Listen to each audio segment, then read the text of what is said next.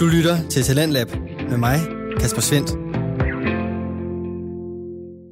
Og det, du skal høre i denne time af aftens program, det er den resterende del af aftens afsnit fra samtale-podcasten Tankemøller. I den, der tager de to værter, Erik Andersen og Katrine Rosenqvist, en åben og direkte tilgang til nogle meget sårbare samtaler. Det gør de altså alt sammen for at inspirere deres lyttere til at gøre det samme og for at lukke op for et fællesskab. Aftens episode handler blandt andet om forældresvigt, som de to unge kvinder har været igennem, og jeg skal derfor huske at minde om, at dette afsnit kan virke stødende eller fornært for nogle lyttere, men at vi altså her på radioen gerne vil støtte op omkring podcastens mission med at dele de svære og sårbare samtaler. Her der får du anden del af aftens afsnit fra Tankemøller, hvor Erika fortæller om hendes forhold til hendes mor. Og det var meget, meget, meget små skridt. Jeg vidste, hvor hun boede, så sådan jeg lukkede bare randomly op og sagde sådan, hej, jeg, jeg er faktisk sådan lidt klar til at prøve at få et forhold til dig igen, og jeg havde en Ja. lang snak med hende om min, mine grænser. Jeg følte virkelig, at jeg havde håbet, og jeg troede virkelig sådan, okay, nu, nu kan jeg, jeg faktisk have chance for at have en mor. Ja. Fra da jeg var sammen med min ekskæreste, øh, altså min første første ekskæreste. Ja. Og så indtil at jeg startede med at date Kim, øh, min anden sådan seriøse kæreste, der havde jeg et forhold med hende, så det var kun over sådan 3-4 år. Mine grænser blev brudt gang på gang på gang. Jeg vil høre historier over hele byen. Altså hun er blevet bandet fra begge motionscentre på grund af, at hun skabte alt muligt lort, og bare begyndte at råbe og skrige og alt muligt andet Ja. folk, som jeg kender, vil hun bare, altså sådan, hendes, deres forældre vil hun bare stoppe nede i gågaden, begynde at råbe fede luder og klamme så og sådan noget, ud af ingenting. Ej. til dem, uden de havde gjort hende noget. Wow. Uden at, altså hun ville bare begynde at råbe og skrige af dem og sådan noget, og skabe alt det her drama, og min far, han flytter på et tidspunkt ud af det hus, som de ligesom havde sammen. Hun købte ham ud, og så flyttede det op selv. Ja. Hele nabolaget havde altså klager omkring hende, mm. og øh, kunne ikke forstå, hvorfor hun var, som hun var, og sådan noget, Nej. og hun fik på et tidspunkt nogle hunde, hvor at folk ligesom også sådan, altså, ringede efter hjælp og sådan noget, fordi at de ikke blev behandlet ordentligt, og de ville også bare være ude i haven, altså sådan, hun kunne ikke passe på dem. Nej, men det er, også, det er altså også svært, hvis man mangler empati at tage sig af dyr. Jamen det er det, Øhm. men jeg troede bare, at sådan, måske det kunne være empati over for mennesker, Ja. at hun kun havde det svært med mennesker, men Ja. det viste sig også, at hun havde det svært med alting, altså Ja. hun kunne ikke tage sig af noget, Mm. Og det var virkelig underligt også. Igen, der, altså, der er jo så meget, jeg ikke sådan siger og sådan noget, Ja. men øh, jeg, ellers kunne jeg også bare sådan snakke det ud af fem timer. Sådan har jeg det også, ja. Men til at sådan slutte med, der var jeg også bare nødt til at vælge hende fra igen. Og jeg kan snakke om alting, der egentlig har gjort, at jeg egentlig valgte hende fra, efter at vi lige har en lille pause igen. vi er tilbage efter en kort pause. Katrine, vil du ikke lige begynde at sådan fortælle omkring, hvad der egentlig gjorde, at dig og din far ikke snakkede sammen mere? Fordi nu har vi ligesom hørt sådan optakten til det, men vi har Jo. ikke direkte hørt, hvad der egentlig gjorde, at jeres bånd blev ødelagt, fordi Jo. indtil videre, så prøvede du stadigvæk at beskytte ham og alt Ja. det her andet. Jeg synes egentlig, at tingene er okay. Jeg kan godt mærke, at han drikker for meget og sådan noget, men jeg tror, jeg har affundet mig med det. Så får han en, en kone, eller en kæreste først. Der er faktisk en vigtig situation, som jeg gerne vil, vil tale lidt om, føler jeg først. Øh, her, hvor de er kærester. De er sådan meget, meget kæresteagtige. Total lovey-dovey. Ja, og sådan, sådan noget, ja, det kunne jeg bare slet ikke have. Og min øh, stedsøster, som var derude, hun havde det på samme måde. Vi fik sådan lidt spat af det der kæreste-kæreste noget, fordi min far er meget sådan øh, provokerende. Han kan godt lide at provokere, hvis der er noget, man synes er irriterende. Så han blev ved med at provokere mig med det, og det er sådan lidt, min far har aldrig disciplineret mig. Så det var lidt en underlig situation at stå i, at vi var sådan var ved at blive irriteret på hinanden, for det sker ikke. Det sker ikke. Han har aldrig nogensinde skældt mig ud som sådan, og det var bare en usædvanlig situation. Men det ender simpelthen med, at jeg tager min task, jeg tager min ting, og jeg går. Hvor gammel er du her? Øh, jeg er 17, tror jeg. Okay. 16-17 år. Han kommer kørende op af vejen i sin kassebil ved siden af mig og råber af mig og siger, kom nu, sæt dig ind i bilen, så kører vi tilbage. Og jeg siger nej. Og så går han ud af bilen og går hen til mig og tager min taske ud af hånden på mig og siger, vi skal tilbage nu. Og jeg kigger på ham og siger, giv mig min taske, jeg går ikke nogen steder. Og jeg råber, og jeg har aldrig aldrig diskuteret med min far på den måde før. Og jeg kan bare huske, at den måde, han råber af mig, det er som, som han råber af sin hunde. Og jeg har aldrig syntes, min, hund, min far skulle have hunde. Det har jeg heller aldrig fortalt det her eller noget, for jeg er så flov over det, men han har også bare sparket til dem. Og Det er bare forfærdeligt. det er rigtig forfærdeligt. Han synes jo selv, at han er en genial hundepasser, og han har altid Sådan er det snakket- altid med dem. Altså min mor synes også bare, hun er den bedste mor i hele verden, og den bedste kone, hun er, og bedste hundepasser og alting. Altså de er så delusional. Og han har altid været betaget af, hvordan at de der hunde, de var helt afslappede, når de kom hen til mig. Jeg lagde bare hovedet i mit skød, og så ad jeg dem, mens de bare så helt stille. Og jeg var sådan, det er da klart, at jeg bliver en tryghedspæl for de hunde, når de er bange for dig. Ja. Men det endte simpelthen med, at jeg tog hjem derefter den diskussion der. Min morfar hentede mig, og jeg hulkede bare. Men ja, jeg kom tilbage, alt var godt, og jeg var faktisk rigtig, rigtig, rigtig glad for den kæreste der, som så kom til at blive til hans kone. Hun havde nogle fantastiske børn, har nogle fantastiske børn, og det var, det var dejligt. Det gjorde lidt ondt på mig, at han vælger at give mit værelse til stedsøsteren, som er på alder med mig. Ja, som om, at du bare sådan er replaced. Fordi, ja, fordi jeg alligevel ikke var der så tit, sagde han. Jeg skulle nok få pengene for sengen og sådan noget. Jeg kunne da ikke være mere ligeglad. Det var det er ikke det, det handler gang. om. Det er bare det der med, at man bliver tilsidesat af sin ja, far. endnu en gang var jeg blevet valgt fra ja. af ham. Men ja, så sker der så, nu begynder det at eskalere. Hans, hans adfærd ændrer sig. I stedet for at blive kærlig, som han altid har gjort, når han drikker og sådan noget, så bliver han en brokrøv bliver sur, han bliver irriteret. Og vi har sådan en episode, hvor vi tager på camping om sommeren, og vi sidder og spiller kort, og alt er hyggeligt. Og så den yngste i stedfamilien der, hun vælger at sige et eller andet bandeord. Jeg kan ikke huske, hvad det var om det bare var fuck eller sådan noget. Men i hvert fald så kigger han på hende, og han har siddet og drukket en masse rødvin. Han drikker jo ikke vand, når det er varmt, så drikker han bare mere øl eller mere vin eller sådan noget. Så smasker han hånden ned i bordet, og så råber han af hende. Vinen vælter ud over det hele, og vi er alle sammen i chok. Og mig og den yngste og den ældste ender så med at ligge ind i campingvognen, fordi jeg har tikket og bedt den ældste af de, to, af de der søskende om at please at blive ved mig, fordi jeg vil ikke være alene derude med dem. Øh, så han er så sød at blive, og så kan vi bare høre, hvordan de diskuterer derude. Diskuterer der skændes? skændes, tror jeg. Ja. og hun græder, konen der, og det var forfærdeligt. Så hjem dagen efter, og var aldrig med igen. jeg hørte også, at, at året efter var hende den yngste, havde haft en veninde med, som tog hjem tidligere, fordi hun følte sig utilpas med min far. Og det er jo Men, klart. Altså, ja, det er jo kun forståeligt. det er klart. Og han bliver bare mere og mere underlig. Og så lige pludselig, så har hans kone altså sagt til ham, du skal stoppe med at drikke, du skal vælge mig, eller du skal vælge alkoholen. Og han bliver ved med armen, altså, og hun siger mig eller alkoholen. Så vælger han hende. Og så ringer han til mig en dag, og så siger han, at han har stoppet med at drikke. Og aldrig nogensinde har han indrømmet, at han har drukket for meget. Aldrig nogensinde. Selv da jeg i de yngre klasser sendte ham et brev og skrev, at jeg ville ikke komme derud, hvis han, drak for, hvis han blev ved med at drikke, hvilket han jo så gør alligevel, hvor jeg valgte at mm. ignorere det.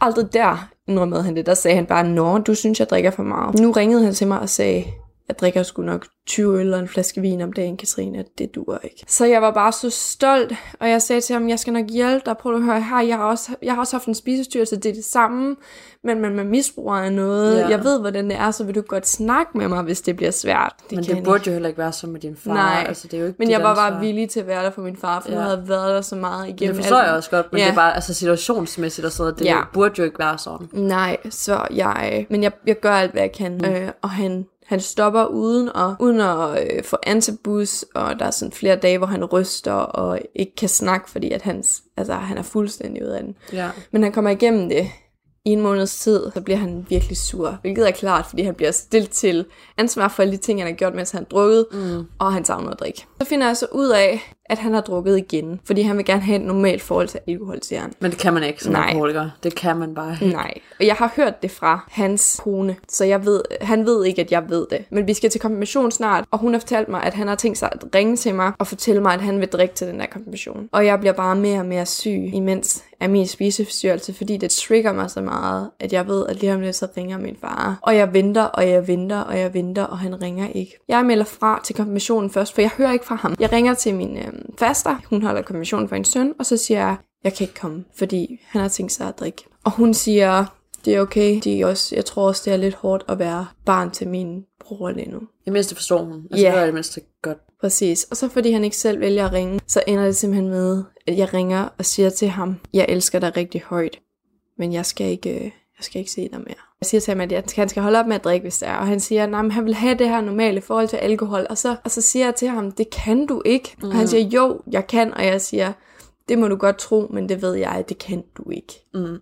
Det er sindssygt, at vi som børn nogle gange sådan skal tage stilling yeah. til sådan noget. Og at det er mig, der skal noget. sige det. Ja, og, og have sådan, mm. altså, åh, og det, det gjorde rigtig ondt. Og han var sådan, han græd, og han sagde, ja, men selvfølgelig skulle vi nok se hinanden igen, og han elskede også mig. Men selvfølgelig, han var jo taget meget med bukserne nede. Det havde jeg jo ikke forventet. Mm-mm. Så græd jeg i 15 minutter, tror jeg. Og så var jeg egentlig bare lettet bagefter. Så tror jeg, han skrev til mig en gang. Skrev jeg til ham, at han virkelig respekterede mig. Hvis han ville vise noget over for mig, så skulle han lade være med at kontakte mig. Og så blokerede jeg ham. Og du har ikke snakket med ham siden. Nej. Hvordan har du det med det nu, når du er blevet ældre? Det er ambivalent, øh, især fordi, at hele min familie, at det er mig, der har en dårlig opførsel. Altså, det er vel hele hans side af Ja. familien? Ikke din ja, ja, mors side? nej, ikke min mors side, men at min farmor ringer et par uger efter, og prøver at tage hans side, og sige, at det var jo bare et par øl, og hvor jeg siger, jeg ved godt, at det ikke bare var et par øl. Du har jo selv set og oplevet ting. Ja, Altså, altså. ja præcis. Jeg, hun sagde, at jeg var der jo ikke. Jeg havde hørt det fra hans øh, kone der, hvor jeg siger, jeg har hele mit liv som erfaring, og derfor ved jeg, at det var ikke bare et par øl. Og så sluttede jeg af med at sige til hende, og nu starter jeg i terapi på grund af din søn, så du skal ikke, du skal ikke komme her. nej. Og så vidste hun heller ikke, hvad hun skulle sige. Havde vi sådan lidt small talk, fordi hun prøvede at gøre det godt igen. Og så dagen efter, så skrev hun en undskyldning til mig. Hvilket betød utrolig meget, fordi sådan noget gør min farmor ikke. Nej. Men så sluttede hun beskeden af med at skrive, du må have det godt, pas godt på dig selv.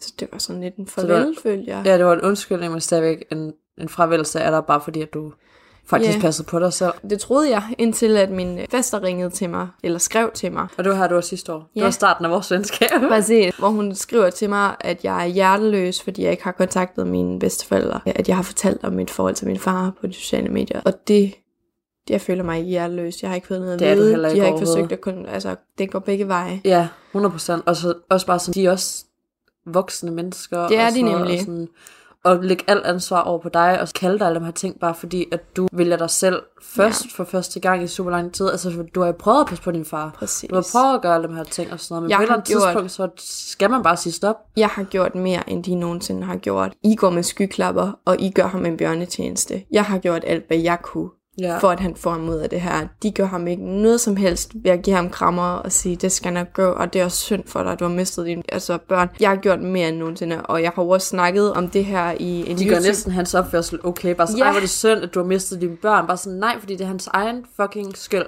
Og jeg det har er ikke også- synd, fordi han, han kunne stadigvæk godt nå at rette op på det, hvis han Præcis. virkelig vendte hans liv, men det vil han ikke. Han vælger alkoholen frem for hans børn, så Ja. det er ikke en skid fucking synd for ham. Altså, jeg har jo også snakket om det her i en YouTube-video på et tidspunkt, hvor jeg simpelthen fortæller det kort og, og godt. Og øh, det var de jo rigtig sure over, den familie der, hvor jeg Men det er din historie at Ja. Og jeg sagde også bare, jeg håber, han har set den. Jeg håber, han har set den. Jeg håber, det har gjort i hans hjerte. Men vi endte faktisk med at være en samtale, hvor vi blev enige om, at jeg skulle ud og se mine bedsteforældre, og vi skulle begynde at opbygge noget igen. For det ville jeg da gerne. Jeg sagde bare, jeg skal ikke komme ud og skældes ud. Jeg skal ikke komme ud og få et bagangreb, hvor min far er der. Det skal, det skal ikke være sådan. Nej, det skal ikke være sådan noget surprise, bitch! Nej. Men jeg tror ikke, hun kunne håndtere det alligevel, efter at jeg ligesom havde fået sat hende på plads og sagt til hende, at hun skal aldrig nogensinde skrive sådan til mig igen. Også bare fordi du er ikke god til at argumentere for dig selv, Ja. og du passer på dig selv, er jeg. og du har ordene sådan i orden og sådan der noget. var og du... ikke mere bullshit der. Nej, det er ikke fordi, du prøver at sætte undskyldninger for Nej. noget eller noget. Du siger jo, hvordan Ja. tingene direkte er. Og jeg tror bare, at den familie har aldrig været vant til, at jeg har været sådan, for jeg har været meget passiv, altså. Men så gik der jo andet end et par uger, så havde de alle sammen blokeret mig på Facebook. Jeg tror, jeg er en faster tilbage. Og jeg ved ikke, om det er bare fordi... At en eller anden skal holde øje med dig. Ja. Og det, det er hårdt, men, øh, men det er heller aldrig en familie. Den side af familien har heller aldrig gjort meget for at holde sig sin kontakt til mig. Mm. Den måde føler jeg heller ikke, at jeg har mistet helt vildt meget. Det føles iskoldt at sige, men det, det gør jeg ikke. Hvad med dig, altså? Jeg kan starte ud med at sådan sige, hvorfor jeg også bare valgte at, sådan, at vælge hende fra til at starte med, lige da de blev skældt, fordi nu er der også lige kommet lidt flere ting op, Ja. som jeg heller ikke lige har fået nævnt, men sådan hver eneste jul igennem hele min barndom op til de blev skældt, hver Ja. eneste fødselsdag, min konfirmation, hver eneste ting, der var som bare lidt specielt for mig, hver eneste gang, at jeg havde et eller andet dansehalløj, der jeg gik til dans, som var godt for mig, Ja. hun ville ødelægge det. Hun ville råbe og skrige og gøre alt muligt. Hver eneste juleaften skulle jeg prøve og så calm hende down, du ved, mm-hmm. og sådan bare sige sådan, det er okay, og der sker ikke noget, og du kan bare blive hjemme, og sådan, det har vi også sagt til dig, du gider ikke være en del af julen mere, fordi min farmor og farfar er der, og de de sødeste mennesker i hele verden, men hun har bildet sig selv ind, at de vil slå hende ihjel, og min far og hende har haft en sådan kæmpe plan om alt muligt og sådan noget. Jeg ved ikke, hvor det overhovedet kommer fra, Nej. eller stammer fra, men jeg tror, det er det der traume, som har gjort, at hun bare tror, at alle er ude efter hende. Og det er lidt svært at sådan sige det her, når man ikke kan fortælle, eller ikke har lyst til at fortælle, hvad hendes traume er. Men det, jeg synes, det er vanvittigt. Altså, det, Ja. jeg kan godt forstå, og jeg har empati med hende som menneske, over hvorfor, at hun sådan har endt ud med at være sådan her. Og hun kan jo ikke engang gå til lægen eller noget, uden mm. at hun tror, at de vil hende noget. Nej. Altså hun var til gynekolog på et tidspunkt i Herning, og så stormer hun bare ud.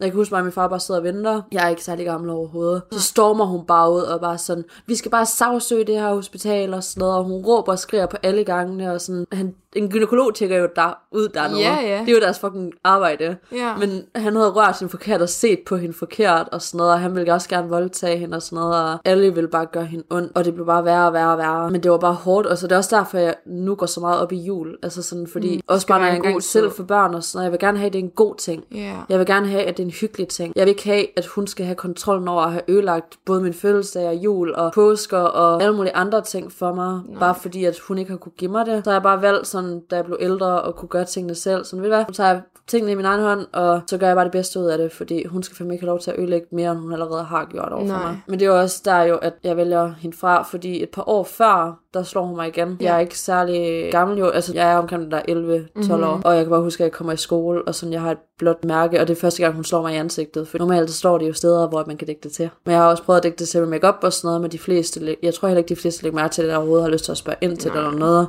også bare fordi man er i den alder. Men jeg går bare rundt og hele tiden panik over, at nogen vil opdage det, og jeg græder også på min cykel hele vejen op til skolen, og før jeg går ind i skolen, der er jeg bare sådan, okay, tag dig nu sammen, jeg kan tage dig sammen, og du skal ikke sådan have opmærksomhed omkring dig og sådan noget, så du skal ikke begynde at græde lige pludselig. Men hver eneste frikvarter, så vil jeg også bare gå ud, og så bare græde, Ja. altså ude på toilettet, og en forfærdelig følelse sådan at sidde med, og sådan, det var også en af de sidste ting, der bare sådan, okay, wow, jeg tror, jeg troede faktisk, at hun var blevet en smule bedre, siden hun ikke slog mig. Men jeg tror kun, at hun ikke havde slået mig, fordi hun også var bange for min far. Fordi sådan, altså min far, han har ikke lagt nogen hånd på hende nogensinde, mm. før der var et tidspunkt, hvor hun blev ved med at råbe og råbe og råbe, og jeg stod og bare græd og sådan noget. Jeg tror, jeg var to år gammel. Det her det er noget, han har fortalt mig.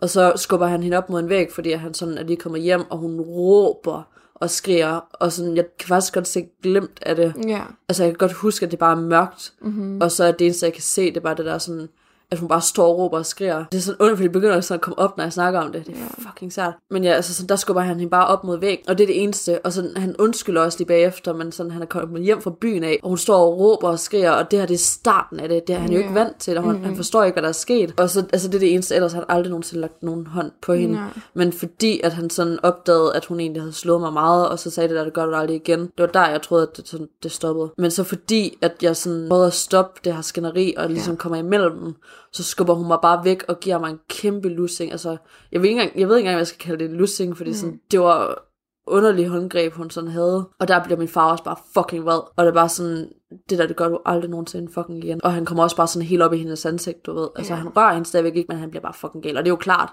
fuck, jeg vil også blive gal, hvis det var Ja. mit barn og sådan noget, jeg går ud.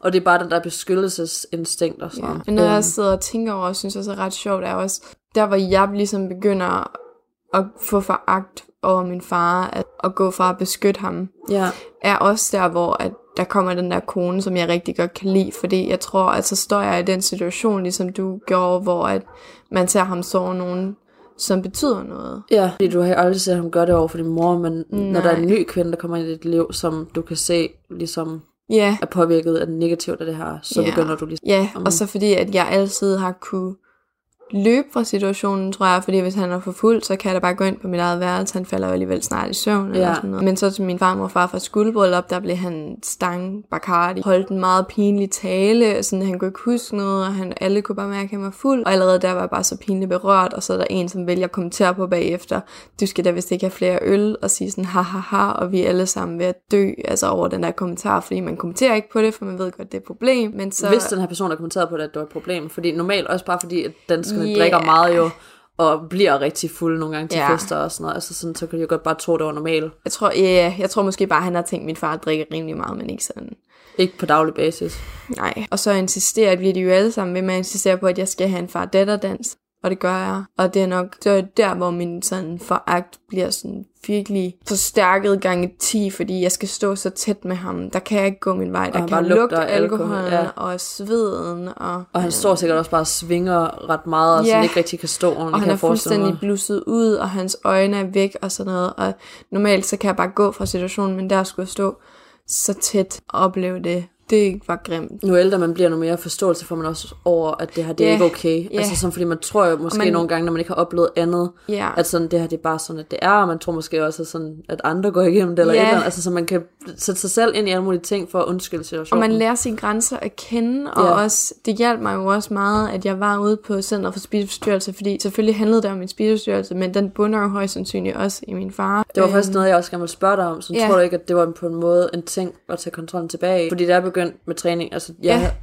jeg har ikke haft sådan en så slem spiseforstyrrelse som dig, Ja. men jeg har været igennem alle kurer, og Ja. jeg har også kastet op sådan Ja. og whatever. Ja. Og det var fordi, jeg følte, det var den eneste kontrol, jeg havde, mm. det var over mad. Og det var det helt sikkert. Men altså, da jeg var ude på, til sådan en introduktionsting ude på Spisecenter på Spisestyrelser, der lagde de jo sådan en case op for en typisk pige, som får mm. bulimi. Og det var jo også med en alkoholisk forælder og sådan noget. Og jeg skam tudede, som jeg aldrig har tudet derude før, fordi de kunne lige så godt have kaldt det der dia-show Katrines liv. Det var mm. fuldstændig mit liv. Altså, og det var slet ikke til at bære. Også bare sådan at se alting i revue på den måde, altså totalt fremmed, altså sådan, Ja. som skal stå og så vurdere dit liv. Og Så sådan, der bliver jo også meget vred, fordi er det min fars skyld, at jeg kaster op, sulter og overmotionerer. ja. Der er mange ting, jeg var vred over lige pludselig. Også bare fordi mange følelser, man måske har skubbet ned, begynder også at komme Ja. op. Og man lærer sine egne grænser. Jo ældre man bliver, lærer man sine grænser at kende. Mm. Sådan, hvad vil jeg finde mig i, hvad vil jeg ikke finde mig i? Ja. Vi kan også snakke omkring det her med, hvornår vi egentlig begynder at bearbejde ting, fordi Ja. da jeg vælger hende fra, da de bliver skilt, der er jo den der... Det er sådan i 9. klasse, lige før jeg tager på efterskole. Ja. Og halvvejs igennem efterskole, jeg har ikke snakket med hende overhovedet, mm. altså jo, min mor. Men vi får alle sammen en sysselforældre. Drengenes øh, sysler, altså sådan værelser, Mhm. mm-hmm. hvor folk er delt ud og sådan noget, hvor man er fra 6 til 10 mennesker. De får jo en mand, og pigernes sysler får en kvinde. Igennem alting, der har jeg et rigtig stramt forhold med min sysselmor. Ja. Og det er jo klart, altså jeg vil ikke have, at nogen kvinde skal bestemme Ja, over ja. mig, fordi ingen har altså, bestemt over mig før, eller sat mig plads på en sund måde, eller faktisk vil snakke til mig på en god måde, og alt det der andet. Og jeg, altså, jeg er imod, alt, og jeg skal bare altid lave sådan snærpede kommentarer, og være en fucking kælling. Altså jeg var virkelig ikke særlig rar med hende. Der er en aften, jeg kan bare huske det så tydeligt, der tager hun bare fat i mig. Og der går jeg vist under Erika, tror jeg. Jeg kan ikke huske det hele. Ja. Men sådan, det er også lige meget. Men hun siger i hvert fald mit navn, og bare sådan, okay, det der det er altså ikke i orden. Og sådan, vi to, vi skal bare sådan snakke alene, og så tager hun mig til side og ind i et tomt klasseværelse, og bare sådan, Ja. hvorfor er det, at du er sådan her? Og så begynder jeg bare at tude Ja. for første gang siden, at mine forældre blev skilt. Ja. Jeg begyndte at tude brøle, og bare sådan, jeg ved godt, det her det ikke er okay, og jeg mm. ved godt, at du er en sød kvinde og sådan noget, og du gerne vil mig det bedste, men jeg kan, jeg kan bare ikke, jeg ved ikke hvorfor, altså sådan, at jeg er sådan her lige nu. Jeg har en idé om det, men jeg kan ikke rigtig kontrollere det, og jeg ved ikke, hvor jeg skal starte henne. Sådan, jeg har en rigtig lang snak med hende, jeg tror, vi snakker et par timer Ja. frem og tilbage, og det er hende, der ændrer mit liv. Altså sådan virkelig. Ja. Fordi hvis hun ikke havde taget fat i mig og sagt sådan, det her det er ikke okay, og sådan faktisk prøvet at mm. Nå ind til mig og se sådan, hvorfor er du sådan her med kvinder? Mm. Fordi at de havde godt lagt mærke til nogle lærere, at jeg godt tog imod mandlige lærere og sådan noget, og godt ville lytte til dem, men hver gang der var en kvinde, der prøvede at sige noget til mig, så var bare sådan, nej, du skal fandme ikke bestemme over mig, du ved. Ja. Og det var den der rebel over os, altså Ja, sådan den der ja. teenage år. Det er heller ikke for at sige, at jeg lige pludselig altså, var fix lige der jo, det har taget lang tid, og jeg er stadigvæk først nu begyndt at åbne op for min barndom igen, fordi der var kun visse ting, jeg sådan kunne huske, og jeg kunne kun huske følelsen af, hvordan min mor havde Ja. været, og så fra 10 år og op. Men lige så stille, så begyndte jeg sådan at arbejde sådan lidt med det, men det var kun på efterskole, hvor hun var der. Lige så snart, at det sluttede, så gik jeg tilbage til at bare være fucking frustreret over ældre kvinder, og når jeg har været nede på produktionsskolen, da jeg var sådan arbejdsløs, så var dernede, der var der også en lærer, som tog fat i mig, og bare sådan begyndte at analysere mig også, og jeg blev bare så irriteret, bare sådan, du skal Ja. virkelig ikke prøve at analysere mig, og hvad fanden har du gang i, og alt sådan noget andet. Men hver gang hun sad og snakkede til mig, jeg kunne godt se, sådan, hun har ret, Ja. det her det er derfor, og sådan alt muligt andet, men jeg vil da ikke give hende ret. Nej, nej. Fordi det skulle hun da ikke have the satisfaction op og sådan noget. Men jeg tror også, at hun gjorde, at jeg begyndte lige så stille at tænke over tingene igen, fordi jeg havde lukket af, og der var gået et par år. Og igennem alle de her år fra efterskole til produktionsskole, der har jeg haft min kæreste engang. Han har også været vidne til ting, altså han har holdt mig i badet, hvor jeg Ja. bare græd og græd og græd, og ikke kunne gøre, han har vasket mig og sådan noget, fordi jeg bare lagde på gulvet ind i Mm. bruseren, og jeg kunne ikke gøre noget, og jeg var bare tom indeni, efter at sådan min mor og jeg havde været oppe af skændes, fordi vi, altså jeg havde prøvet at tage kontakt til hende igen, Ja. og det der er bare så meget i det. Altså sådan, og der er stadigvæk rigtig mange ting, man sådan skal lære. Men noget, jeg altid har haft, og det er også noget, vi sådan kan begynde at snakke om lidt Ja. nu, det er det der med, hvad det sådan har gjort også til af positive Ja. ting. Fordi det her, det har jo givet dig trust issues til mænd, og har Det ødelagt det. ting for dig i forhold til forhold. Ja. Og for mig, der har det sådan bare ødelagt mit forhold til ældre kvinder generelt. Ja. Altså, jeg snakkede ikke med min farmor i lang tid. Jeg tror, det bundede i også bare det der med, at jeg ikke kunne stole på nogen lige meget hvad. Altså, mm. bare Mhm. en ældre kvinde. Og i rigtig mange år havde jeg heller ikke rigtig nogen veninder, fordi jeg ikke, ikke kunne åbne mig op. Og jeg Mm. følte ikke, at sådan, at folk ville mig eller noget som helst. Jeg synes også, at nu har vi jo snakket omkring alt det her, og vi kan også sagtens lave en episode senere hen Ja, igen. Fordi der sikkert. er så meget at dække. Vi havde også lidt overvejet, og det må I meget gerne skrive til os, hvis I kunne være interesseret i, at lave en episode, hvor vi får jer til at stille en masse spørgsmål, så vi ligesom Ja. kan svare på de ting, I føler, som er lidt mere konkrete, som I ikke fik svar på, men Ja. som I rigtig gerne vil vide. Fordi når vi sidder og snakker omkring det her, så er det lidt, altså det er jo bare en almindelig Og samtale. der er 10.000 ting, man kunne tage fat i, Ja. men man bliver nødt til at vælge. Ja, 100 procent. Så Ja. hvis I har nogle spørgsmål eller noget, så kan vi sagtens lave sådan et forældre Q&A, hvor vi Ja. sådan kan svare på en masse ting. Så bare skriv daddy issues i emnet Ja. på mailen, og så skriv de spørgsmål, I har, eller Ja. den feedback, I har, hvis det er. Men ja, hvad, hvad med positive ting, Katrine? Vi kan starte med dig igen. Ja. Øhm, hvad, Øhm. hvad har det gjort af sådan gode ting for dig? Hvordan har det skabt dig som menneske? Det har gjort mig til et rigtig godt menneske, og det var egentlig lidt svært at se det på den måde. Jeg fik sådan en alternativ behandler. Jeg gik i forvejen i Tuba, som er sådan en gruppe, man kan komme i for øh, unge med øh, forældre, som har alkoholmisbrug. Men så fik jeg også sådan en øh, lidt mere spirituel alternativ behandler i Randers, øh, Lise Pilgaard, som er mega fantastisk. Var et forløb ved hende, og hun var sådan lidt, også sig tak til din far. Sig tak, fordi alt det, han har givet dig, fordi du er sådan et følsomt menneske. Du har følehornene mm. ude, du lægger mærke til, hvordan andre mennesker har det. Og det er så rigtigt, altså. Og det kan også være super drænende, og vi to har også snakket om, at vi er egentlig også meget trætte, men vi er begge to mennesker, som, som mærker andres følelser gange tusind. Altså, vi er virkelig empatiske Ja. og øh, særligt sensitive mennesker. Ja, begge to, ja. og, og det tror jeg, det giver sådan noget, at man bliver opmærksom på alle følelser i verden, som foregår rundt om en, for det føler mm. jeg virkelig, jeg er. Og nogle gange kan det også være svært, sådan helt, fordi mine egne følelser kan fylde for meget, altså sådan, fordi man mærker dem så stærkt, og andres følelser for den sags skyld. Ja. Men det giver så meget, fordi man får sådan en stor forståelse for andre mennesker, og man bliver rummelig. ja. Jeg føler virkelig, at jeg er rummelig. Men altså, at den sidste, man bliver dømt af, det er da i hvert fald mig. Altså, så på den måde er jeg egentlig rigtig taknemmelig for det menneske, jeg er blevet til. Til trods for, at det er kommet med en pris. Hvad med dig? Er sådan... Jo. Siden jeg var helt lille, og det er også derfor, at jeg forstår mennesker så dybt. Nogle Ja. gange på en skræmmende punkt, fordi der er rigtig mange, der sådan kalder mig deres psykolog af mine mm. venner og veninder og sådan noget. Det er ikke engang med vilje, men det er bare sådan, altså jeg er deres parterapeut eller deres psykolog Ja. eller et eller andet fordi er bare, jeg har opfanget så meget igennem mit liv fra alle mulige. Også bare sådan folk, Ja. jeg har overhørt samtaler, når jeg er gået ned i byen eller sat på en café eller et eller andet. Ja. Og jeg har altid prøvet at lære os fra andre, og bare sådan, åh, oh, det der, det er sådan, at de havde det, eller sådan, åh, oh, det der, det er også noget, der er normalt, eller et eller andet halvøj, du ved. Også Ja. bare sådan med serier, bare sådan, jeg har opfanget nogle ting. Vi så også bare How I Met Your Mother i går, Ja. med nogle livslektioner, og det tager jeg bare så meget til mig, Ja. fordi selvom det er en serie, så er det så meget, der er brugbart til det rigtige liv, jo. Altså, vi kan også læse quotes sammen og være sådan, wow. Ja, Altså, altså. Og så bare mærke det hele ind i brystet nærmest. Jamen det er det, altså vi tager det så tungt og så Mm. dybt, og det kan både være en positiv og en negativ ting, vi føler så meget, fordi jeg tror ærligt ikke, at man kan finde nogen venner eller kærester, som elsker lige så højt, som vi gør. Vores kærlighed er så endeløs, og så Ja. vi vil gøre alt for dem, vi elsker. Ja. Og det er også det, vi også sådan har skulle lære jo. Det er også noget, vi sådan kan snakke om med selvkærlighed og sådan noget, fordi i rigtig lang tid, der satte jeg også bare mine veninders og kæresters behov før min egen. Ja. Hvis de havde et problem eller et eller Ja. andet, så ville jeg droppe alt for dem. Og jeg vil hele tiden bare spørge ind til, hvordan har jeg det, hvordan har jeg det, hvordan har jeg det, og hele tiden være opmærksom på din og datten, og aldrig rigtig arbejde på mig selv. Det er først, når jeg sådan begyndte med, faktisk efter mit breakup sidste år, så virkelig, okay, nu er det, det er på tide, jeg sætter mig selv først, Ja. fordi der er mange ting, der også gjorde, at jeg heller ikke var sund Mm. for Kim dengang. Altså, så mange usikkerheder i mig, som skabte problemer, Ja. der ikke behøvede at være der, og sådan noget. Det var ikke, altså sådan, vi var begge to i forholdet jo, og der var begge to ting, vi gjorde frem og tilbage, men jeg kan også godt se min side. Ja, ja. Og det er også noget med os to. Vi kan godt se vores egen side. Ja. Vi er aldrig blinde for at sådan indrømme, vi sådan har gjort af fejl. Men i hvert fald en positiv ting, jeg bare elsker det også, hvordan jeg sådan er som menneske. Altså, Ja. jeg, jeg er virkelig empatisk, og jeg er virkelig følsom, og jeg er virkelig kærlig, og jeg tror ikke, at jeg vil blive den mor, som jeg engang bliver, mm. hvis det ikke har været for hende. Mm. Jeg tror ikke, jeg vil være den kone, jeg engang bliver, Mm. For en mega heldig mand, Ja. hvis det ikke var for hende. Fordi alt, hvad jeg har gjort underbevidst eller bevidst, Ja. siden jeg var yngre, var for frygten af at blive som hende. Ja. Igen, det her det også noget, man sådan kan snakke om senere og sådan noget, fordi der er så meget i det, det og det er så der. store emner og sådan noget, men det er også bare vigtigt sådan lige at nævne hurtigt, jo, men Og jeg tror også bare, også det der med, der er også en del, som siger det der med, at ah, men har I nu et godt venskab, og I har ikke været sammen, I har kendt hinanden så længe. Jeg tror, at grunden til, at vi har den her sindssyge connection, er også de her traumer, vi har været igennem, mm. som sådan på en eller anden måde binder os sammen, fordi vi Ja. ja.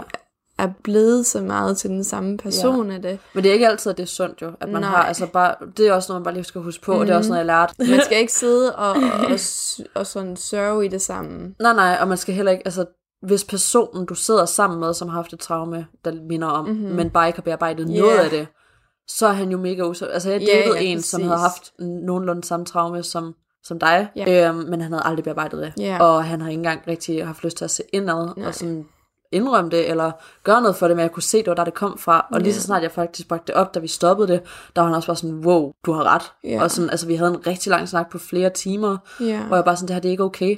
Og du er nødt til at tage dig sammen, altså sådan, fordi du kan stå nu, jeg tror, du har mødt mig for en grund. Mm, Du har såret mig for en grund, ja. og jeg nægter at tro på, at alt det her det er sket, altså Ja. sådan, fordi alting skal for en grund. Ja.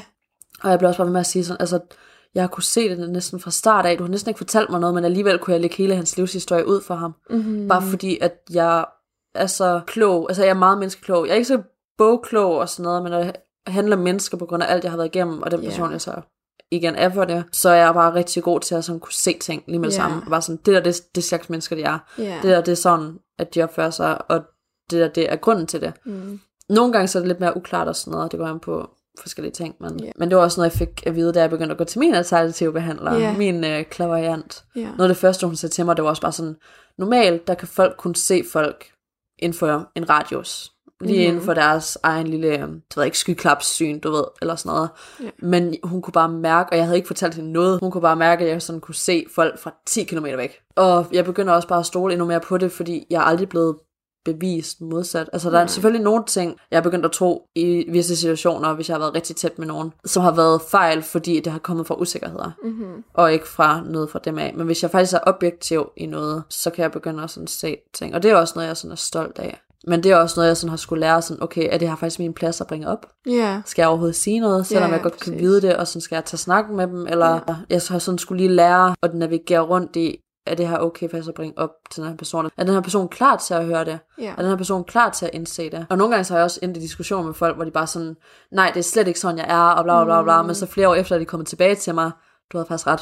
Ja. Og jeg har faktisk begyndt i terapi og alt muligt andet og sådan noget. Ja, det jeg ikke. Altså det er lidt svært, men det er noget af det, jeg sådan er stolt af med mig selv. Ja, det og sådan så kunne se godt. mennesker for, hvad de er. Men jeg accepterer også mennesker for, hvad de er. Også når jeg engang får en mand, hvis han har et eller andet traume og sådan noget. Altså jeg har ikke en intention om at fikse folk. Det er deres Mhm. eget, fordi det er ikke noget, man sådan kan gøre for andre mennesker. De Men skal man kan selv holde deres det. hånd. Ja, præcis. Man kan være der for dem. Mm. Man kan være der som deres støtte, Mm. og som deres sparringspartner. Ja. Og bare sige, at sådan, selvom at du føler måske, at du ikke er god nok på grund af det her, eller whatever, så er jeg her for at minde Ja. om altid, at jeg elsker dig, og jeg er her for dig, og alt det der andet. Det er også noget, jeg også bare har lært på det seneste halve Mm. år, jo. Fordi jeg har vil fikse folk. Jeg har vil være der for folk, og sådan ordne folk og sådan Ja. noget, men det er ikke mit job. Mm. Og det er heller ikke sundt for mig. Altså, det dræner mine energier som ingen anden. Intet er sådan sort-hvid, og det er også derfor, det er sådan, nogle gange kan det være svært at snakke om, for det er bare sådan, jeg er også bange for, at folk misforstår mig. Men jeg ser ting fra så mange synspunkter af. Jeg er så empatisk og sådan noget, men der er bare så mange sider til en situation. Det og sådan, selvom man godt kan forstå folk, betyder det ikke, at man behøver at acceptere deres opførsel. Og det var også det med ham, jeg datede, øh, der også havde traumer, du ved. Altså, jeg accepterede jo ikke hans opførsel, selvom jeg sådan vidste, at det var der, det kom fra. Jeg havde empati med ham. Men jeg tror også, nogle gange er det også det, der blokerer det for mig til at finde nogen også, fordi jeg føler tit, at,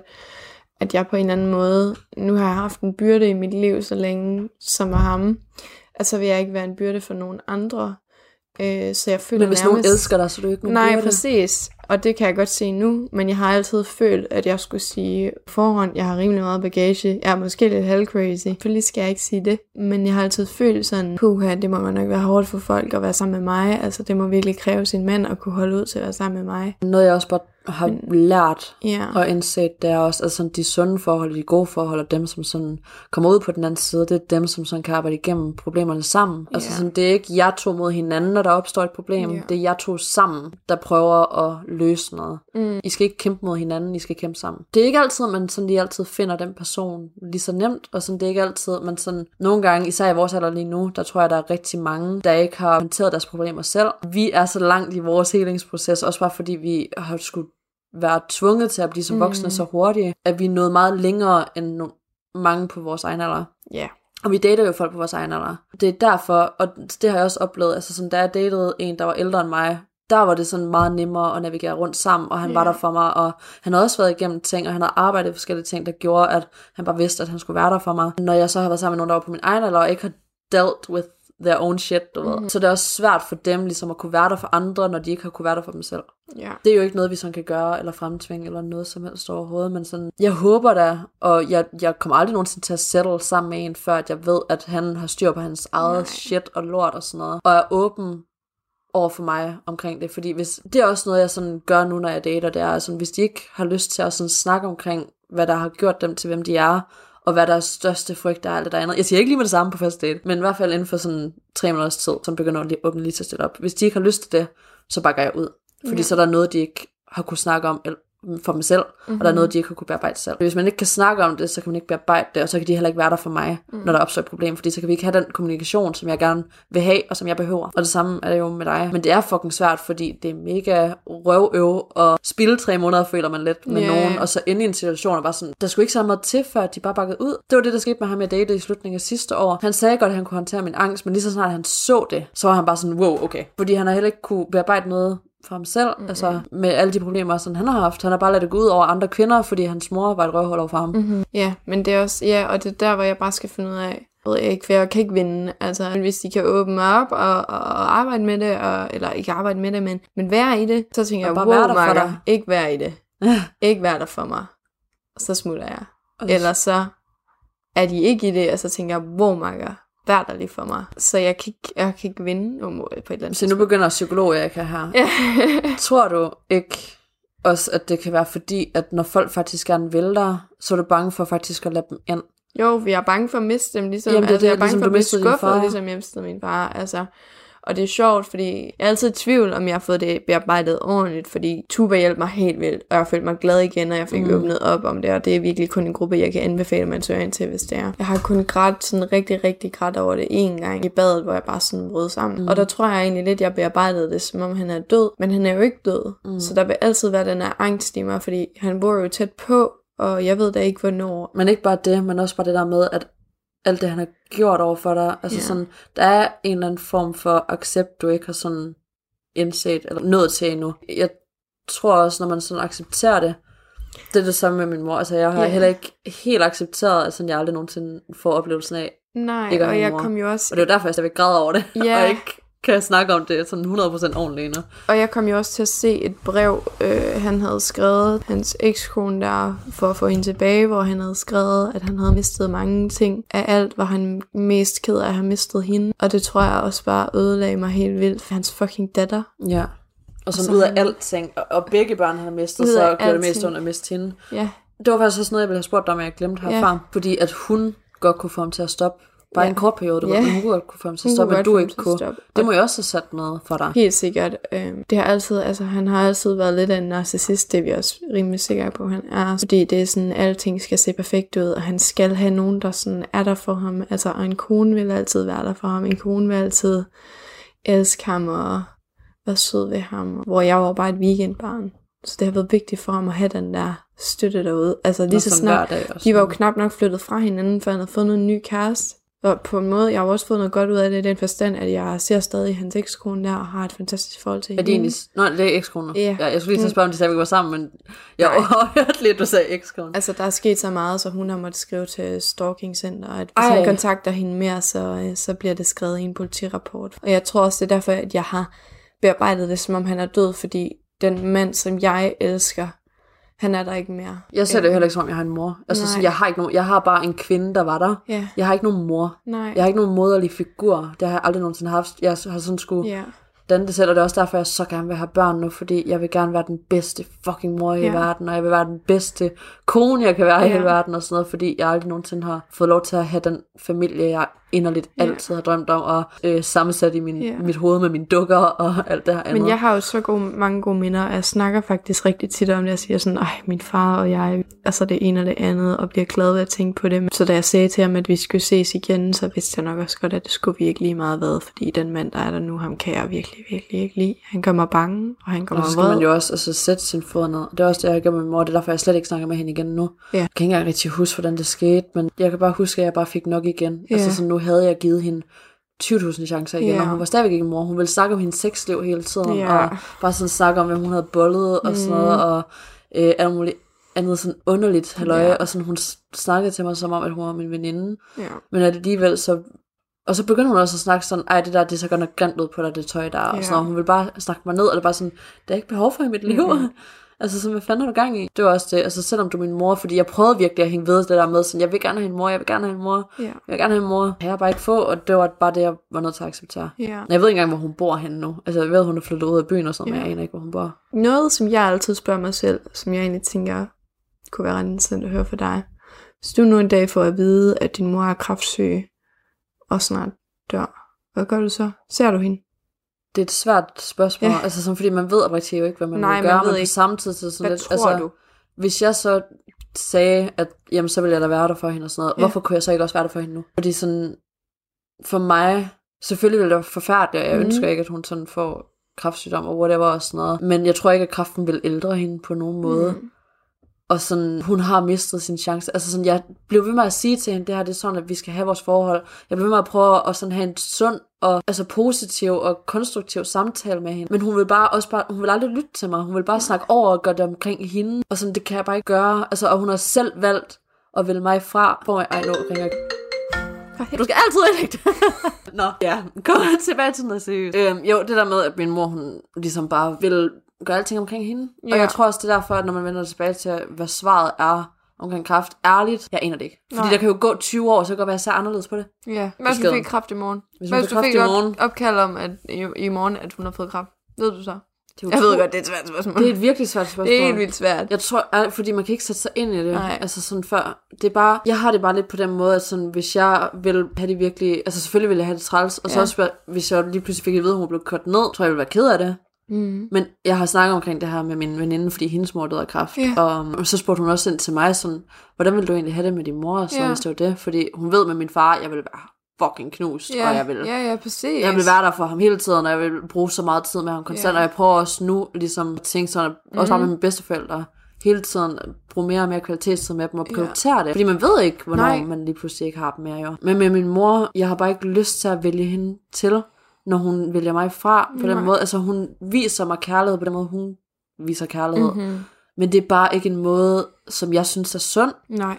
eller som jeg vil acceptere, eller noget som helst. Så det er derfor, at sådan, hvis hun fik kraft, jeg vil have det virkelig sammen med det, og jeg tror også, jeg måske vil skrive til hende, altså yeah. unblokere hende, og så måske lave en eller anden besked, men jeg tror virkelig ikke, at jeg stadigvæk vil kunne se hende. Mm. Jeg ved det altid ikke, fordi på samme måde, det bare sådan, jeg ved ikke engang, om jeg elsker hende mere. Nej. Altså, jeg ved ærligt ikke engang, med også bare ekskærester og sådan noget, eller eksveninder, som jeg ikke har i mit liv mere, som har betydet meget for mig. Mm. Dem har jeg stadigvæk en kærlighed til. Mm. Og hvis de kom en dag lige pludselig ud af ingenting, og bare fucking ville have min hjælp, så ville jeg være der. Fordi den kærlighed stadigvæk er der, selvom at vores venskab ikke gik. Men med min mor, det er bare så ødelagt, og hun har været så usund på alle fronter. Ikke bare kun med det, hvad jeg har sagt nu jo, men med så meget andet også, at jeg bare ikke vil, altså jeg følte, at jeg ville vælge mig selv fra i den situation på en helt anden plan som bare vil gøre mere skade end gavn, og nogle gange så bliver man altså bare nødt til at tænke på sig selv. Det bliver man bare nødt til. Ja. Det er ikke altid det er sjovt, og jeg tror heller ikke, det vil være en sjov oplevelse for mig, og hvis jeg engang har en mand, mm-hmm. eller også bare tage fat i dig og sådan noget, altså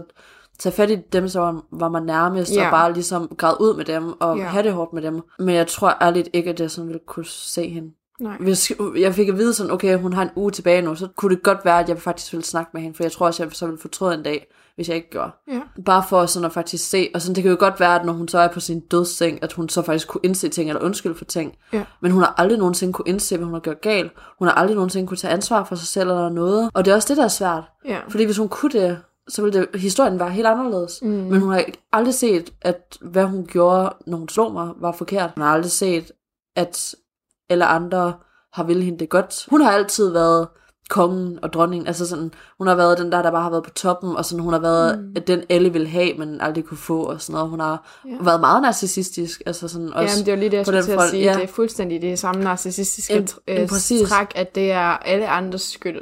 ja. Alle andre, der gør noget forkert. Jamen det er det, hun har aldrig nogensinde, altså folk har også restraining orders, altså sådan dem der, jeg, hvad det hedder på dansk. Jeg håber folk ved, hvad jeg mener. Ja. Folk har restraining orders imod hende. Ja. hvor hun ikke må komme 500 meter i nærheden af dem, fordi at hun er så sindssyg. Og det er jo fucking synd, og jeg har virkelig meget empati for hende, fordi jeg forstår, hvor det kommer fra. Men når hun ikke har lyst til at indse, at hun overhovedet har et problem, mm-hmm. så kan hun heller ikke begynde at bearbejde det. Og hun er så gammel nu, at det, altså, det er blevet for sent. Man kan ikke lære en gammel hund nye tricks. Nej, det er i hvert fald meget, meget sjældent. Altså Ja. sådan, jeg vil sige, der altid er en undtagelse til reglen. Men i den her situation, Og, men jeg tror også, det der der tror jeg bare ikke på det. Når det er sygdomsrelateret på den måde, som det er, mm. at det er jo, altså at en kemisk ubalance kan jo ikke lige pludselig komme i balance på den måde. Nej, men det er det, fordi hun har jo også en sygdom. Altså, Ja. det, og det fik jeg konstateret. Jeg har prøvet at gå rundt sådan og prøve at finde ud af selv, mm. hvad hun sådan var, fordi det gør man bare som datter, når man har en det. mor. Altså, så man prøver bare at forstå hende, du ved. Ja. Og det er derfor, jeg har prøvet sådan, at hun skizofren, er hun til? Fordi hun hørte ting, hun så Ja. ting, hun bildte sig selv ting ind. Og Men så det kan også jo være, også hun til, også at er. der er mere til det end Jamen, det er det. Aspergers. Ja. Og det kan vi jo selvfølgelig ikke sige, fordi Nej. vi er uddannet, men, men de kunne jo godt tyde på Ja, det. Og det er også derfor, sådan, jeg engang skrev på min story, fordi folk spurgte ind til min mor og sådan noget, så sagde Ja. jeg sådan, jeg tror måske godt, at hun ville kunne have det her. Mm-hmm. Og så blev folk voldvrede på mig. Men folk kan godt kalde mig bipolar, uden Ja. at det er noget problem. Og det er sikkert de samme folk jo. Men når jeg sådan sagde, at jeg tror, det er det her, hun Mhm. mm. har, og jeg forklarede, at jeg har hele mit liv prøvet at sådan finde ud af, hvad der var galt. Og vi skal simpelthen holde op med at kaste rundt med diagnoser. Ja, ja, sådan, selvfølgelig, Altså, men- Nej, men jeg mener altså andre mennesker, Nå. som ser nogen på sociale medier. Ja, når man ikke skal- kender mennesker. Ja, altså jeg synes, det er en ting at lave et gæt om sin mor, som er en person, man er så tæt på. Ja, og man har brugt tid med hver dag, Ja. og har oplevet fra alle vinkler af Og så en person, du kun ser 5 minutter igennem dagen, Ja. eller en 20 minutter lang video, Præcis. som har blevet filmet over 3 dage. udsnit af en persons Ja. som egentlig stiller sine sociale medier op præcis som de vil. Mm. Øhm, det, det gør mig egentlig Det er jo det, der er ingen, der har fået at vide nogensinde, og sådan har nogen nok kunne forestille sig, mm. eller noget, at jeg har gået igennem alt det her, og meget mere til. Mm. Igen, det her, det er kun toppen af fucking isbjerget. Det er det. Ikke engang toppen, det er bare sådan Ja. det øverste lille sne Ja. op på toppen af fucking Mount Everest. Lige krømmel på. Ja. der skal man selvfølgelig også passe på, og sådan, når det gælder min mor, så har jeg bare prøvet at forstå hende. Altså, det er der, jeg er kommet fra. Det er ikke for at være ondskabsfuld. Det er Nej. virkelig for at sådan, forstå det, og Ja, ja. prøve også at kunne måske få et forhold til hende Ja. Men hun vil ikke have nogen hjælp på nogen form for måde, Nej. og så det er derfor, at jeg også ligesom har valgt hende fra, altså sådan, Ja. det er den største grund, jeg Fordi hvis hun lige pludselig altså, fik hjælp og alt sådan noget andet, og da jeg var yngre, der havde jeg virkelig håbet, og jeg troede sådan, at jeg godt kan overtale hende, fordi jeg er den eneste, der kan nå ind til hende, og alt det her andet. Men til sidst, der kunne jeg ikke engang nå ind til hende. Altså, det kunne jeg igennem alle skænderierne. Der kunne jeg lige pludselig godt sådan... Man kunne også se hendes øjenskift tilbage. Mm. Det er det, der er sindssygt. Ja. Man kunne virkelig tydeligt se, når hun blev altså den der sindssyge person, Ja. til når hun blev den normale. Men til allersidst, så var den normale ikke tilbage mere. Hendes dæmoner havde bare opslugt hende. Ja. Det er den bedste måde, jeg kan sådan beskrive det på, og sådan, jeg kunne slet ikke genkende hende. Altså, mm. hun har intet. Jeg kan huske små øjeblikke, hvor hun faktisk også var med op i skolen og sådan noget, og Ja. var normal også over for mine veninder, og hun var sød og rar og sådan Ja. nogle ting, men det er bare så små øjeblikke, at det har været i, Mm-hmm. at jeg ikke kan huske følelsen af det, og jeg ikke overhovedet kan tro på, at det har været der. Men ja, vi har snakket i en halvanden time nu, Ja. og sådan, vi kunne igen blive ved, men igen, hvis I har nogle spørgsmål til det her, eller hvis I har et eller andet, som vi skal snakke om igen, eller vi skal uddybe, eller hvis I gerne vil have en episode 2 af det her, Ja, eller et eller andet, eller, ja, eller hvis I bare har fået noget ud af det, hvis I har indset noget Ja. fra jeres barndom, eller hvis I er begyndt at så bearbejde noget, eller hvad det nu end er. Ja. Hvis I bare har et eller andet feedback, så må I meget, meget, meget gerne skrive til vores e-mail, Ja. fordi vi vil heller ikke gerne vide det. Og igen, vi deler også kun det her for at sådan lade jer vide, at Mm. det selvfølgelig ikke kun skal være én vej. Vi vil gerne have, at den her podcast er et sted, hvor vi alle sammen kan komme med vores problemer, Ja. men også vores glæder, og vi kan have det sjovt, men vi også kan bearbejde ting Ja. sammen. Og når vi får feedback, så giver det også ligesom et tegn på, At vi gør noget rigtigt. ja, eller hvad vi gør, eller om Eller- vi gør noget forkert. Ja. Altså, Men det- konstruktiv kritik, ja, hvis præcis. det er selvfølgelig. Altid en god, tone. tone. nemlig. Men sådan det der med at vide, okay, det her emne, det var noget, vi, folk virkelig, virkelig var glade for. Mm. Det betyder utrolig meget for os, at, at lige få det med. Og det gør jo også, at vi gerne vil snakke om det igen, hvis det var. Altså nu Ja. mere feedback, der kommer. Også bare nogle gange, når jeg får beskeder eller sådan noget, sådan, ej, du får sikkert tusind af dem her, men whatever. Mm. Og så begynder de at skrive bare sådan, at du skriver, det betyder altså mere, end du nogensinde... Og Det jeg, det jeg virkelig. læser meget mere, end folk tror og sådan Ja. noget, og det rammer mig virkelig. Lige meget hvem du er. Dig som individuel person har noget vigtigt at sige, Ja. og du må hellere end gerne dele det. Du er Præcis. ikke ligegyldig. Du er ikke bare en ud af mange. Altså, du Nej. er dig, og vi synes, at de alle sammen er specielle, og I har- alle sammen en plads i alt Ja. det her. Altså også bare det der med, at vi bliver tagget i stories af folk, som lige Det gør det, så jeg græder nogle gange. Ej, men virkelig, man bliver så glad, og det måske ser det ud som sådan en lille ting, men for os er det bare en kæmpe ting. Det er en kæmpe sejr, Ja. altså på en eller anden måde. Altså, det, er bare, det er bare mega rart, så please altid bare blive ved med at sådan række ud til os, og så vil Mhm. vi selvfølgelig også blive ved med at åbne op for jer, og Ja. Ja, alting. Men øh, vi håber, at I har kunne bruge det her til et eller andet. Ikke alle afsnit bliver så dybe her, Nej. men der skal selvfølgelig også være plads til at være dyb, men skal der. der. skal også være plads til en masse sjov. Ja, og det, Det kommer der. Hvis du ikke har hørt første afsnit, og du har brug for lidt sjov. Der snakker Så vi om tynd skid og alt muligt. Sex og øh, blowjobs. alt muligt fucked up. Ja. halløj. Altså, vi elsker jer rigtig, rigtig meget. Tak fordi, at I vil også bare give os plads til at være os selv. Ja. Jeg er virkelig stolt af mig selv for endelig at faktisk at sådan åbne op. Fordi Jeg er det, også mega stolt af dig. Tak. Det er første gang. Også bare, igen, mange af mine veninder ved det ikke. Ja. Altså også bare seriøsiteten. Jeg har en veninde, som var der fra barndommen af. Ja. Ej, åh, jeg kom faktisk lige i tanke om noget. Det er en, jeg ikke er veninder med mere, Mhm. mm-hmm. men hun havde ikke rigtig hørt om min mor, og lige pludselig, min mor bor ikke op hos os mere. Nej. Det er bare sådan lidt en sjov historie. Men hun er bare brudt ind i vores hjem. Hun, jeg har ikke set hende fucking længe, og så har hun bare begyndt at hænge billeder op og alt muligt andet. What? Ja, og så randomly, så vågner mig og min daværende veninde op, og sådan, min far, han er ovenpå, Ja. og så øh, er hun bare brudt ind. Altså, vi har haft låst dør, vi Ej, aner ikke, hvordan hun er kommet ej, ind. ej. Og så og hun bare begyndt at hænge billeder op og rykke rundt på vores møbler og sådan noget. Wow.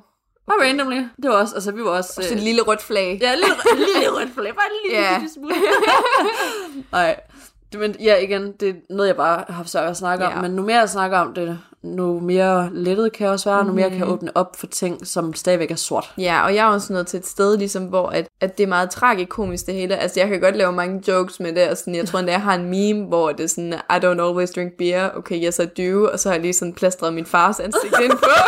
Fordi, altså, hvis jeg, Vores kan, coping mechanism er humor. hvis jeg kan grine lidt af det, hvad fanden skal jeg så ellers gøre? Altså, det er som det er, livet er som det er, og vi kan mm. enten sørge over det, og så Og ikke os selv. Ja, og ikke nå videre, eller vi kan arbejde med det, komme til et sted, hvor man måske også kan grine lidt af det, selvom det selvfølgelig også er træls. Og så bare blive bedre Øhm, mennesker af det. Ja, bare acceptere det, og tænk, kan du gøre noget ved det? Nej. Kan du lære noget fra det? Ja. Du kan lære meget mere fra det. Og du, jeg vil sikkert altid have noget at lære fra det her. Altid igennem mm. resten af mit liv, så vil jeg kunne sådan et eller lige pludselig bare sådan, hov, det var Ja. derfor, det skete. Og ligesom vi har fokuseret på, hvad er det gode i det? Der er altid noget godt ved det. Mm. Når vi sådan runder det af, det er lige meget hvilken form for familieproblemer, eller toxic familiemedlem, du har med at gøre, mm-hmm. så skal du altid huske på, at du ikke kan ændre dem. Ja. Det eneste, vi kan gøre, det er at acceptere situationen, som den er, og smerten, der er skabt ud fra den historie, vi tror på om den. Lige så snart, at du ændrer troen på, at historien om den burde ændre sig, og bare acceptere det for, hvad det er, nu nemmere kan det også bare være at nyde selskabet med dem, hvis det er, at du vælger stadigvæk at have dem i dit liv. Og eller også bare sådan komme videre i livet, ja. hvis du vælger dem fra. Det er bedre at elske nogen for, hvad de er, end at hade dem for, hvad de ikke er. Men også bare elske dem for, igen, som du også sagde tidligere, elske dem for, hvad de har mm. lært dig, lige meget om det har gjort ondt, bare sådan takten. Mm. Det var også noget, jeg fik at vide på et tidspunkt. Jeg kan ikke huske, hvornår eller hvad det var, ja. øh, eller hvem det var, der sådan sagde det til mig, men det var også bare det der med, at jeg faktisk bare skulle takke hende. Altså sådan, og det lettede også rigtig meget, ja. og det har også gjort, at jeg sådan har kunne komme meget videre i det. Der er en mening med alting, så mm. der er en mening med, at vi skulle gå igennem det her, så vi fik de her gaver, så vi kan bruge det til noget. Hvilket Ja, vi og forhåbentlig, forhåbentlig gør også hjælpe jer. Præcis, hvilket vi forhåbentlig gør lige nu. Mm. Jeg har også fået rigtig mange barndomshistorier fortalt igennem livet, og alle vores situationer er selvfølgelig altså forskellige. Nogle gange så har vi altså ens træk og sådan noget, men vores barndom, der har vi måske haft bare som skille forældre, eller nogen, der slår os, eller haft alkoholikerforældre, eller øh, måske bare haft svært ved sådan at skrive, og måske bare snak, altså man har haft en stamme, eller whatever, eller nogen af os er blevet mobbet rigtig grimt. Ja. Men lige meget hvad, at vi har gået igennem som små, så definerer det os ikke, og det samme er så os som voksne. Bare fordi, at dine forældre blev skilt, betyder det ikke, at du for eksempel heller ikke kan finde en kærlighed, der er sund og som var ved. Og det er også noget, jeg har sådan skulle lære, fordi jeg var også bare bange for yeah. nogle gange, at alting bare blev til for at gå i stykker. Ja. Men ja, bare fordi, at du følte, at din familie var gået i stykker, og at alting, du nogensinde har troet på, ikke var sandt, så betyder det ikke, at det ikke var sand, og at det så kommer til at ske for dig. Du kan træne dit syn og dine tanker til at finde kærligheden, der er renere, klogere, sundere, mere betydningsfuld og fuldt ud fantastisk. Det eneste, du skal gøre, det er bare at tro på det og arbejde mod det. Læg alt din tro over på en ny tankegang. Læg alt din tro over på sund kærlighed, og læg alt din tro over på noget positivt. Læg alt din tro over på noget spirituelt, hvis det er det, du har brug for. Det har vi to også gjort, og mm. jeg gør det ekstremt meget lige nu. Det spirituelle handler ikke bare om, at der bor en eller anden oppe i himlen, som passer på os alle sammen og bestemmer og sætte sin søn herned og alt det der andet. Din tro kan også bare køre som om, at det er verden, der sådan fungerer på en vis måde, og at alting sker for en grund, og at der er energier, der både hjælper os, og vi altid kan sådan række ud, og så bruge dem her energier til noget positivt, og bruge dem for os, og også bare vende os rundt, og så bare sige sådan, at ting ikke sker mod os, men for os. Vi har alle sammen gået igennem noget, der var fucking hårdt. Det, der betyder noget, det er, hvad vi gør med det. Vi kan bruge det som en undskyldning, eller vi kan bruge det for at gøre stærkere. Ja. Jeg håber, at I alle sammen har det super godt, og at I arbejder på jer selv, og også bare ved, at I er fantastiske, som I er. Og vi fortjener alle sammen et godt liv. Nu runder vi af. Ja. Nu har vi også bare snakket ekstremt meget. Og jeg skal i bad, fordi jeg har bare sådan kampsved og angst.